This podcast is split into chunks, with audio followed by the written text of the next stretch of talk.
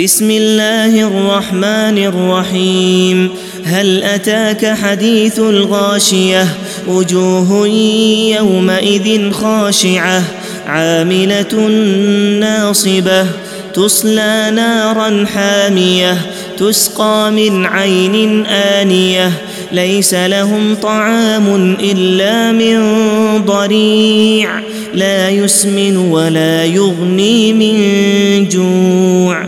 وجوه يومئذ ناعمة لسعيها راضية في جنة عالية لا تسمع فيها لاغية. فيها عين جارية فيها سرر مرفوعة وأكواب موضوعة. ونمارق مصفوفة وزرابي مبثوثة. أفلا ينظرون إلى الإبل كيف خلقت وإلى السماء كيف رفعت وإلى الجبال كيف نصبت وإلى الأرض كيف سطحت.